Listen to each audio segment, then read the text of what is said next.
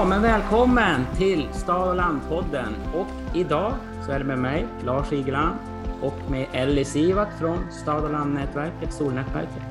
Och med Po Tidholm, journalist och författare, flitig landsbygdsdebattör. Välkommen Po! Tack så mycket, kul att vara med. Vart befinner du dig nu? Jag är hemma på gården i, i, i Trönö utanför Söderhamn. Mm. Hälsingland. Härligt, härligt. Gävleborgs län, södra Norrland. Po, du har ju skrivit eh, flera böcker och har gjort tv, du har föreläst landet, land, runt om i landet om landsbygdsfrågor. Kan vi börja med, med dina intryck från, från ditt resande här. Hur är, är stämningen på landsbygden nu och hur, hur het är den här frågan inför valet? Alltså, jag tror att man måste... Oj, det, det, jag tycker det är en stor och komplex fråga, om man ska bena i den.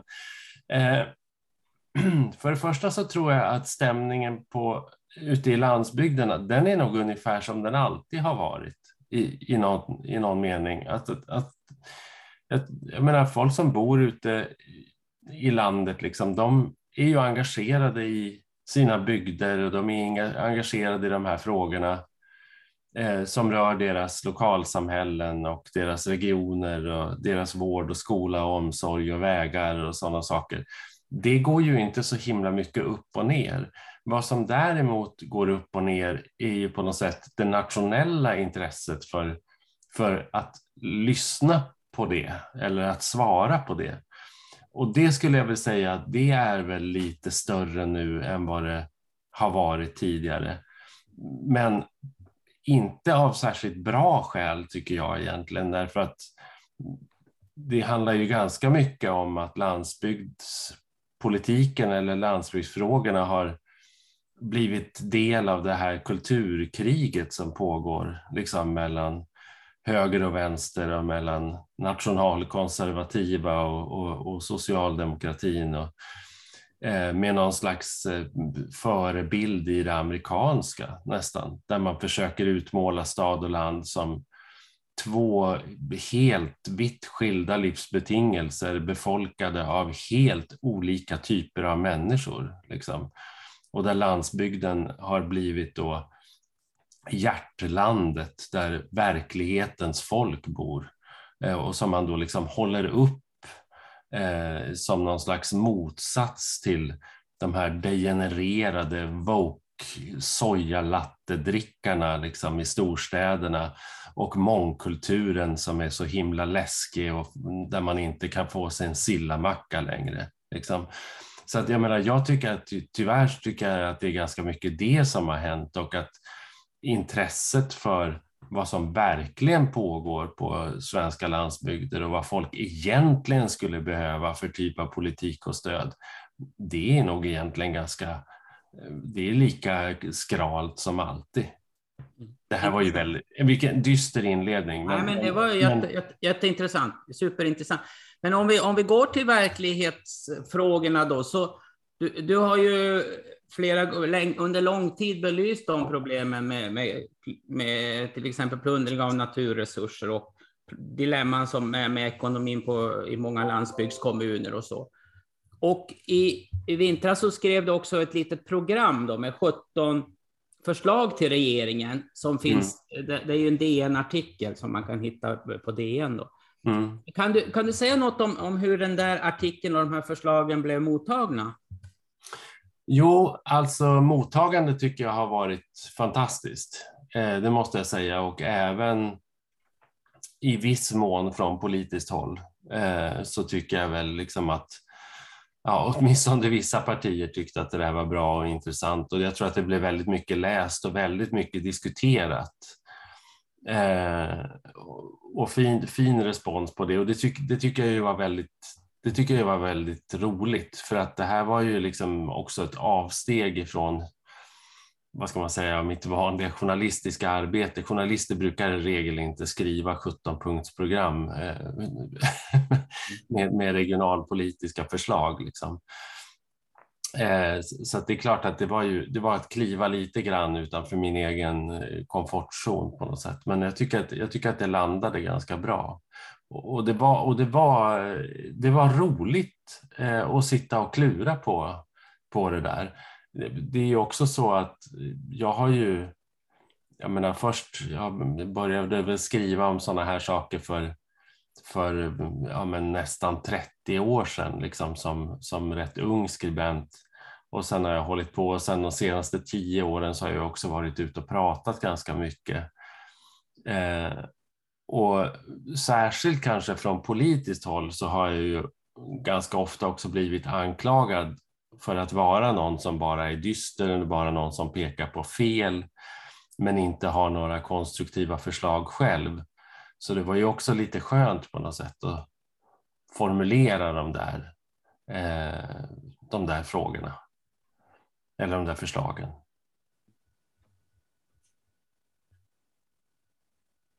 Mm. Ellie ska ta en fråga om energi där då. Jo, ja men det kan jag göra. Um, jag, jag, läste ju tillbaka dina punkter, det var väldigt roligt att läsa dem igen får man säga. Um, jag har ju, och, och vi i Stad och landnätverket har ju stort intresse av energifrågor. Mm. Jag själv jag har varit aktiv i miljörörelsen ganska länge. Så att det ligger ju varmt om hjärtat om man säger så. Mm. Um, jag tänker att det är så mycket som pågår just nu. Uh, och dels så är det ju de stora satsningarna i norr och som hänger ihop med gruvdriften och så vidare. Eh, men dels så finns det mycket motstånd mot vindkraft och så vidare och det mm. finns eh, förslag om mini-kärnkraftverk överallt. Och så. Men den energiomställningen som behövs, hur, hur, hur kommer vi att få det? Hur, hur ser det ut? Liksom, vad är möjligheterna att verkligen få till stånd den här omställningen? Menar du då en generell omställning till, till liksom eh, ett, ja, mer klimatneutral energiframställning och förbrukning? Då? Är det det du tänker på? Eller menar du energibehovet i stort? Eller vad? Energibehovet i stort egentligen och liksom det finns ju den, den tekniska aspekten av energiomställningen mm. och så, men det är inte kanske den utan ja, men jag tänker i ett bredare sammanhang, alltså också det mm. sociala, mm. liksom, så både den omställningen i stort och sociala aspekter. Ja, jag tycker att det är ett, ett, ett underligt läge nu. Jag menar, det, här är, det här är ju också en väldigt stor och komplicerad fråga. Jag är ju och som också är helt förgiftad av det här kulturkriget eh, där det pågår en, en enorm desinformationskampanj och där ju ledande moderater eh, och även från andra partier håller på och försöker trumma in då eller sätta en sanning om att anledningen till att vi har energibrist i någon mån eller framförallt kanske höga energipriser beror på att vi har stängt kärnkraftverk när det i själva verket är en konsekvens av att vi är ihopkopplade med, med en marknad och att det är marknaden som sätter priserna mm. och inte utifrån svensk energiproduktion eller utifrån svenskt energibehov egentligen utan, utan ifrån nordeuropeiskt energibehov och sen konsekvenserna av Ryssland och så där. Jag menar, det här är ju och så spinner de på det här då för att, för att de vill få till kärnkraft och samtidigt så säger man ju i moderatkommuner väldigt konsekvent nej till alla typer av vindkraftssatsningar. Helt enkelt därför att de inte är kärnkraft. Eh, de är ju så förälskade i kärnkraft så att man, man, har, ju aldrig, man har ju aldrig sett en så, så stark kärlekshistoria överhuvudtaget. Eh, det borde skrivas sånger om det nästan. För att det, det, men hur som helst så, så är det ju liksom det är väldigt, det är väldigt rörigt med energipolitiken just nu och där, där man inte där få egentligen verkar kunna sortera mellan vad vi har för egna nationella behov och vad, vad det finns för europeiska behov och vem som sätter priserna. Och sen så tillkommer ju då som du säger den här stora gröna industriboomen i norra Sverige som ju kommer förbruka enormt mycket energi. Det här tror jag inte riktigt har den poletten verkar inte heller ha trillat ner hos politiker och hos befolkningen, kanske särskilt i södra Sverige, vad det här kommer innebära. För att norra Sverige överför ju en hel del energi till södra Sverige. Eh, men, men det finns absolut ingen skyldighet faktiskt att göra det. Sen kan ju Svenska kraftnät bestämma att det ska ske ändå och att de då stryper tillgången till energi till de här nya industrierna som kommer vara väldigt energiberoende. Eh, men det kommer ju bromsa utvecklingen då av, av H2 Green Steel och Hybrid och, och, batterifabriken och serverhallar och alla möjliga saker. Så det kommer man kanske inte heller vilja se. Det är ju inte heller en, en, en, en bra utveckling. Och så samtidigt håller man på att bygga ut överföringskapaciteten till södra Sverige, men av vilken el då så att säga. Så att det, jag, jag, har, jag har väldigt svårt att... Jag, jag, tycker det här är en enda röra nu och som jag tror är väldigt politiskt blockerad också av, av det här allmänna polariseringen i Sveriges riksdag där man inte liksom kan prata med varandra och, och, där man utgår ifrån helt skilda verklighetsbilder som, som kanske inte ens är med sanningen överensstämmande. Så, att, så att det, här är ju, det här är ju superknepiga saker. Det här har ju eran kollega Arne inte minst eh, liksom eh, grottat ner sig i och informerat de flesta om. Så, att, så att det här är ju ingen nyhet för er som håller på med detta givetvis. Men, um, sen när det gäller eh, omställning eller energirelaterad omställning i stort så, så är jag väl också liksom bedrövad över hur miljörörelsen, om man nu skulle inkludera Miljöpartiet i den, har hanterat eh, den här omställningen. Man, man har ju kört något slags eh, liksom, top-bottom approach till, till den här omställningen där liksom de som är rika och har råd ska få subventioner för att göra omställning, kanske framför allt eh, från fossilbilar till elbilar. Eh, och, och, och liksom eh, medan man med eh, piska och, eh, och hot om eh, moralisk undergång ska liksom tvinga de som inte har råd att ändå ställa om fastän de inte har råd och, och utan att man bygger en infrastruktur. Mm. Jag tycker att det här är så felhanterat så att jag, jag, jag, vet inte ens var jag ska ta vägen någonstans. Det här, det här har upprört mig i flera år. Mm. Jag tycker det här bonus-malus-systemet och hela liksom subventionsprogrammet för bilflottan har ju dels utgått ifrån en urban verklighet där man liksom har gett gigantiska subventioner till löjliga hybridbilar som går liksom 8 kilometer på batteri och sen förvandlas till utsläppande bensinbilar av, av 80-talsnivå eh, efter 8 kilometer. Eh, och, och, det är ju toppen då för, en, för en liksom, någon som pendlar 8 kilometer till jobbet i bil skulle ju kunna cykla istället då kan man tycka, eller ta kollektivtrafik eftersom man ändå bor tätt. Men det är ju helt värdelöst ur någon slags landsbygdsperspektiv, en sån bil funkar ju inte. Och, och, och, samma sak med, med laddinfrastrukturen som ju också har byggts ut liksom i, i, ja men, i rika förtätade områden först och samtidigt så har man då lämnat liksom landsbygden till marknaden, fast marknaden vill inte vara där. Och de här sakerna har man kunnat veta hur länge som helst, för det här är liksom konsekvenserna av precis varenda liberalisering eller varenda liksom överlämning till marknadskrafterna som man någonsin har gjort. Då vet man att så här, ja, förtätade områden, där kommer det byggas nya bilprovningsstationer och nya apotek och, och nya vårdcentraler och nya friskolor och ditten och datten och man kan liksom lösa samhällsproblem på det samtidigt som entreprenörer blir rika.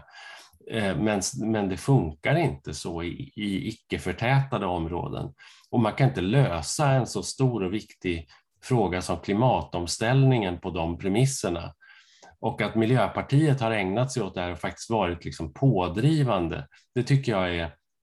Jag tycker att hela det här hatet och eh, liksom hela den här idén om att allting är Miljöpartiets fel är ju, är ju givetvis totalt förkastlig och, och, djupt felaktig i många avseenden. Men just när det kommer till de här frågorna så har de faktiskt en väldigt, väldigt stor skuld.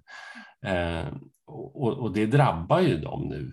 Därför att de tas ju inte riktigt på allvar ens av miljörörelsen, så att säga. De som egentligen då borde älska Miljöpartiet och rösta på Miljöpartiet. Om man tittar nu också senaste SCB-mätningen så är Miljöpartiet det parti som presterar sämst av alla partier bland unga människor som ju ändå då har ett faktiskt intresse för miljö och klimatfrågor.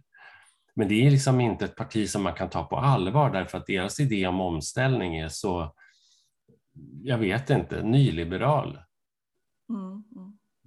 Ja, men vad intressant. Du lägger ju länkar till en massa andra områden också, liksom, som, där man ser centraliseringen och, och liberaliseringen och, och, dess effekter. Eh, ja, och allt. jag tycker ju att det är ju, den, det är ju liksom på något sätt landsbygdspolitikens faktor X och, och, som, och som jag tycker ofta förbigås i, i diskussionerna är ju att vi har vi har ju genomgått en förändring i vårt samhälle. Den kan man ju tycka vad man vill om så att säga. Och det, det är ju väldigt mycket så att Sverige har ju gått ganska långt när det kommer till då eh, privatiseringar och bolagiseringar och liberaliseringar av, av välfärdstjänster. Vi har ju i, i, i några avseenden också gått mycket längre än resten av världen om man tittar särskilt på skolpolitiken. Eh, så är vi det enda landet i världen som tillåter den här, den här typen av liksom vinstdrivande skolor. Eh, men, det, men vi har gått ganska långt också när det, när det gäller privatisering av eh, vård med fri etableringsrätt till exempel och, och avreglering av en väldig massa marknader. det är klart att det händer någonting när man förvandlar någonting från en samhällstjänst som då ska ha samhällsnytta eh, till att bli en produkt eller en vara eller en tjänst på en marknad. Därför då blir den ju omedelbart beroende av marknadens betingelser och marknader ser alltid olika ut på olika ställen. Det är en väldig skillnad på en förtätad urban marknad till exempel och en gles rural marknad. Det är två väldigt olika saker. Och om du är näringsidkare eller entreprenör så är det klart att du hellre vill vara någonstans där det finns många rika, unga, friska eh, kunder som bor tätt och har korta resvägar. Där vill du vara med din produkt eller din tjänst. Men det är inte alls lika intressant att vara där det är glest och där folk inte tjänar lika mycket och kanske har större hälsoproblem. Där vill du inte anlägga en friskola eller en vårdcentral eller en bilprovningsanstalt eller, eller, eller vad det nu månde vara för någonting, eller en laddstation. Eh, så att ja. Ja, nej, precis. Ja. Nej, det, det, det, borde vara uppenbart, men man saknar ledarskap i, i den här frågan faktiskt. Jag tänkte um, leka lite djävulens advokat när mm. det gäller dina förslag. Du, du kom in på vårdfrågan nu lite grann. Mm. Och du hade ju skrivit eh, i dina 17 punkter också, där du föreslår storlän som en möjlig lösning och eh, statligt ansvar. Mm. Och eh, kanske framförallt vad gäller storlän så, så kan man ju fundera på, de är inte så populära framförallt Nej. i Norrland. Så behövs det och kommer det att funka? Så är, är frågan då.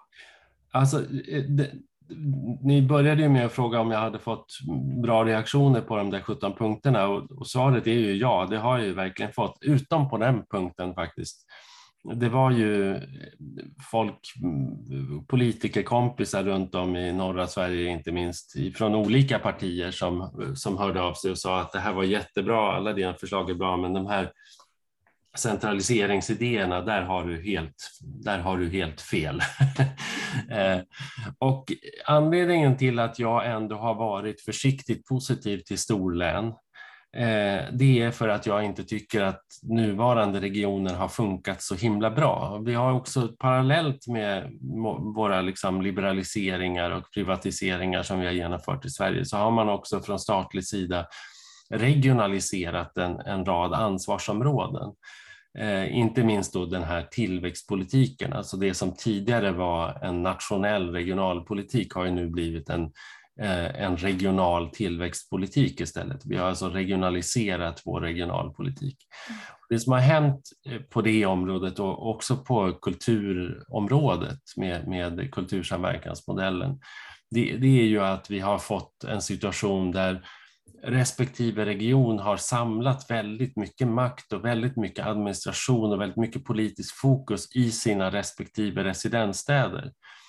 Och nu med 30 år av den här eh, då, liksom, nya regionala regionalpolitiken så kan man se att de här eh, residensstäderna de har i, i rätt många fall uttömt kraften i sina omland ganska mycket. Eh, så att vad vi har skapat är en ny typ av centralisering. Om vi tidigare hade en, en, en slags statlig maktkoncentration så har vi nu en, en, regional maktkoncentration. Och det är väldigt populärt då egentligen, det, det här ligger ju i hela centrum-periferi-problematiken eh, egentligen, att oavsett på vilken nivå man, man befinner sig så centraliserar man så att säga. Så har man en liten kommun så vill man gärna centralisera Eh, all skola och vård och omsorg och infrastruktur till, till kommuncentrum. Och har man en region så vill man gärna centralisera allting, allting till sin residensstad eller till, till regioncentrum. Eh, och, och, och det, här, det här går igen på många. Och det här skulle man behöva bryta upp på något sätt. Mm. Och det är liksom därför jag har tänkt att ja, men storlän men med decentraliserad eh, samhällsservice ja, men det kanske, det kanske skulle kunna funka om det gjordes på rätt sätt så att säga. Eh, och det, jag, jag, är inte alls, eh, jag, är, jag är inte någon, eh, jag är inte helt övertygad om det själv, men, men, men eh, det kanske skulle kunna funka bättre än vad det gör nu, för jag tycker inte att det funkar så väldigt bra som det gör nu. Det finns mm. väldigt många län som inte riktigt levererar. Mm, mm. Förstår ni vad jag menar? Absolut. Ja. absolut. Du, jag tänkte eh, vi ska försöka hinna med någon fler fråga. Och, och det är ju så att många kommuner eh, runt om, i, framförallt i norra Sverige, har det ju väldigt tufft ekonomiskt och så. Mm. Och därför är ju det här med pengarna och resurserna är ju viktiga. Och mm. eh, då tänker jag, du har tagit upp, bland de här punkterna har du tagit upp olika sätt om, om en ny ekonomisk eh, omfördelning. Det bland annat eh, detta med mineralavgift på, på 10 procent som du föreslog och mm. eh, lokal regional skatt på vindkraft och vattenkraft och också eh, platta skatter och, och så. Eh, mm. Se, vad ser, jag, jag har en känsla av att de här frågorna är i alla fall uppe på agendan inför valet lite grann. Vad, vad ser du för möjligheter och, och, vilka av de här frågorna tror du skulle, vi skulle eh, kunna, kunna få igenom de närmaste åren här? Ja du, det är svårt alltså. Det, det stora motståndet mot, eh, mot att bryta upp den här eh, liksom eh, det svenska skattesystemet eh, och, och, den här stora statliga skattebasen som vi har i Sverige, den är ju, den är ju betydligt större än i, i några jämförbara länder egentligen. Jag menar, vi, vi har ju en ganska strikt uppdelning. Kommunerna får löneskatterna och staten får resten, så att säga. Och om man då har otur som väldigt många landsbygdskommuner har, att man är tung till exempel i traditionell industri som har rationaliserats väldigt hårt och därför inte anställer särskilt många människor längre. Det kanske man har hög produktivitet men, men ett litet antal anställda för att det är hög teknologisk grad i de här industrierna. Eh, då får man ju inte in särskilt mycket pengar trots att det genereras mycket pengar. Det är det som är liksom då själva huvudproblematiken som man måste på något sätt komma åt.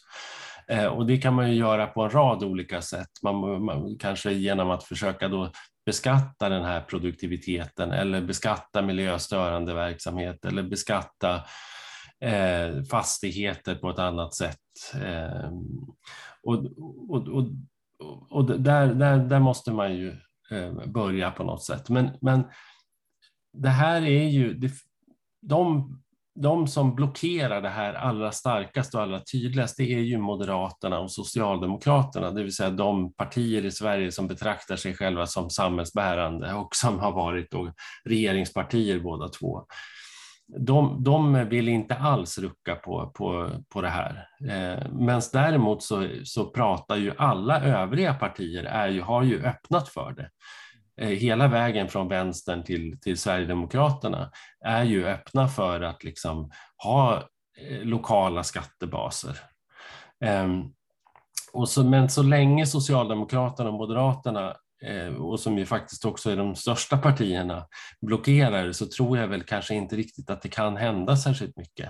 Eh, man är, man är rätt nöjd med det som det är därför att det, det, det ger ju staten egentligen två vinster på en och samma gång. Dels så får man in väldigt mycket pengar och dels så får man då makt över, över kommunerna och regionerna som ju då har en viss grad av självstyre men där man där man då med ekonomiska incitament kan styra och ställa lite grann och, och bestämma vad som ska satsas på och vad som inte ska satsas på. Så, att, så att det, det, vill man inte gärna ändra på helt enkelt från, från de partiernas sida. Mm. Har, du, har du märkt några öppningar där, när du som åker runt och träffar också socialdemokrater och moderater, finns det några öppningar där? Ja, de kan väl säga så där mellan skål och vägg så kan, så kan de väl absolut säga att... Eh, sen, sen, sen handlar det ju också om hur, hur det, liksom det partipolitiska systemet är utformat i Sverige. Och, och då kommer vi in på det här med att det, det är val i år då till exempel. Och vad händer då när det är valår? Jo, då vänder ju på något sätt informationsströmmen väldigt mycket. Men om, om man tänker sig år år två eller i någon mån år tre i en, i en, mandatperiod, då kan det strömma information från respektive region och kommun upp i partiledningarna. Men lagom till valet så vänder den här strömmen och då blir det stuprör istället och då, och då eh, funkar de lokala partiorganisationerna i regel som, som, som någon slags eh, kommunikationscentraler åt, åt, eh, åt eh, partierna i Stockholm så att säga och partistyrelserna. Då ska de liksom dela ut de här nationella pamfletterna och föra ut den nationella politiken och få, få folk att rösta på, på, på de nationella partierna så att säga. Så att, så att, eh, och då försvinner ju de lokala frågorna det är också därför jag har ett av mina förslag är ju det här med att man borde ha mellanårsval till kommun och, och, och region. Därför då skulle man kunna ha en mycket mer levande eh, liksom diskussion om den politikens innehåll. Jag tror att det skulle kunna förändra ganska mycket. Samtidigt som de här lokala partierna då, när det är val till riksdag, skulle kunna ägna sig åt att dela ut de här nationellt producerade pamfletterna då om, om, politikens innehåll. Men det skulle inte konkurrera med de lokala partiernas arbete, med den lokala demokratin och, och den lokala välfärden eller med regionernas arbete med vården och arbetsmarknaden till exempel. Så att jag tror att det skulle vara en ganska bra lösning. Eh, och då säger statsvetare så där att det är negativt för då skulle då skulle vi få, få lägre valdeltagande. Men, men frågan är om vi inte skulle få ett mer kvalitativt valdeltagande på det sättet, även om det var lägre så att säga. Så att det, det skulle kanske uppvägas. Ja, intressant. Eh, nu har vi betat av här både skatter och energi och eh, såna, den typen av frågor. Men jag, jag skulle eh, avslutningsvis också vilja lyfta den här kulturfrågan. För att eh, eh Eh, om, om vi ska få människor som ska vilja bo på landsbygden och trivas på landsbygden och så, så, så räcker det inte bara med ett jobb och, och, och en, en, fin natur, utan det är också detta med, med kultur som, som gör att det blir roligt att bo på landet och så. Och du har ju lyft den frågan också i, i bland de här punkterna. Så jag skulle vilja att du sa någonting om det, vad, betydelsen av det här du ser på ja, Alltså, men, ja, precis. Kulturen är ju en otroligt viktig del av, av själva samhällsbygget, så att säga. Det är ju det som skapar sammanhang. Eh, och det kan ju se ut på olika sätt på olika ställen och sådär och vilken kultur som är viktig. Men, men självklart är det så. Eh, och där har ju kulturpolitiken problem. Eh, det, det, det, vi har de här kulturpolitiska målen och ett av politiska målen är eh, delaktighet och allas rätt till kultur oavsett vem man är och var man befinner sig. Så att säga. Och det, det är ett av de mål som, som, inte, som man inte lever upp till Eh, där, där, där, funkar det inte särskilt bra helt enkelt. Eh, och det har man ju då försökt åtgärda på olika sätt, inte minst genom den här kultursamverkansmodellen då, som ju tyvärr har, har kanske skapat ganska stora kulturadministrationer i residensstäderna, men det har kanske inte nödvändigtvis blivit särskilt mycket mer kultur ute i landet för det. Eh, jag tror att vi, jag vet inte hur konkret det ska vara, men jag skulle väl gärna se ett system där vi stöttade eh, kulturutövare eh, mer direkt så att säga ute i landet. Eh, för det är också så illa att de flesta kulturutövare känner sig nödda och tvungna att, att bo i storstäderna. Nästan, nästan alla gör det. Jag tror 70 procent av alla Sveriges konstnärer bor i Stockholm till exempel. Och det är för att det, man, man upplever att det är svårt att verka liksom ute, ute i landet. Man får inte tillgång till, till, till stöd och till en, till en marknad och till en publik på det sätt som man, som man skulle vilja göra. Och då går vi också miste om väldigt mycket röster och bilder och andra perspektiv som är, som är viktiga. Eh, men, men sen görs det ju nu också då försök, det kan man ju då konstatera att, att både Eh, både liksom eh, Skellefteå och, och Gällivare och, och, och de här orterna då som, som eh, nu ska liksom husera då de här stora nya framtidsindustrierna, de satsar ju då på, på stora kulturhus och, och eh, försöker sätta sin ort på, på kartan på det sättet. Och, och, och, det handlar ju om att locka inflyttning. Och det är ju intressant då faktiskt att kulturen har, har en sån potential.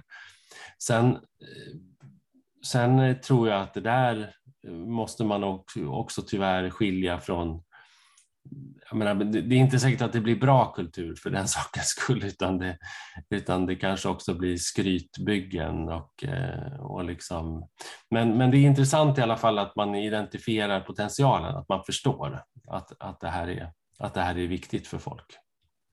Mm. Mm. Jag tänkte att vi eh, närmar oss sluttiden, men eh, det är ju valår och vi har pratat en del om, om, om valet och så. Vad, vad, vad, kommer vi att se och var, var, alltså dels vad kommer vi att se i valet, men också kanske var kommer den nödvändiga förändringen, var, var, var kommer den komma ifrån? Var, var, ska vi sätta vårt hopp till? Ja du, jag är ju inte så superhoppfull direkt. Liksom. Just nu tycker jag att vi befinner oss i en period när det känns som att det mesta går bakåt. Jag följer ju amerikansk politik väldigt mycket och det är ju ju dystrare och mörkare och svartare än vad det har varit eh, under ens livstid. Eh, eller, och ännu längre skulle jag säga. Så, att, så att det är ju en, eh, liksom, det känns ju som att det är någon slags repression. Eller, ja, det, det, är ju, det är ju gräsligt. Och, och tyvärr så tycker jag ju att en hel del av såna här ja, men stämningar och strömningar och polariseringar importeras. De spiller ju liksom över även till, även till Sverige som jag inledningsvis var inne på där med, med liksom kulturkriget och kriget mellan staden och landet då, som, som har plockats upp av eh, nationalkonservativa krafter som försöker spinna på det. Ehm, så att, så att, eh, men och samtidigt så kan jag väl säga det här med som, som ni gör så, så, så duktigt och, och, jobbar i nätverk och, och så. Jag tror att det är viktigt, men jag tror att framför allt det som kanske kan det som kan eventuellt vara en väg framåt är nog kanske tyvärr lite mera lokal egoism eller någon slags lokal patriotism faktiskt. Att man, att man i, i mindre sammanhang går, går ihop och slåss för det som är värt någonting lokalt. Därför att där tror jag att det är lätt också att, eh, att enas eh, även över politiska eller religiösa skiljelinjer, så att säga att man kan identifiera lokala värden. Eh, och sen så kan man gå samman och, och slåss för dem och mobilisera kring det.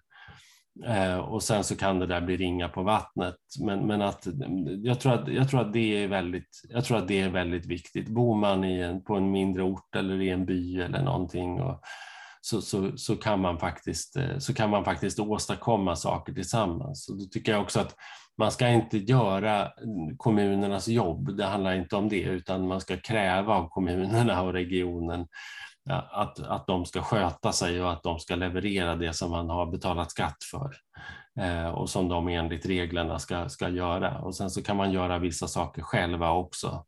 Eh, men jag tror någonstans att det är där, eh, att det är där man kan göra mest nytta. Det, det, det, har jag blivit mer och mer övertygad om faktiskt och där finns det också en hel rad positiva exempel. Sen är mobilisering har ju också en, en, en, en väldigt positiv bieffekt och det är ju att det, att det stärker ja, dels att det stärker gemenskap och samsyn och det stärker människor deras självförtroende och, och inte bara utveckla platsen och platsens politik och, och platsens värden utan, utan, eh, utan också människorna på platsen som blir, som blir bättre av att komma samman.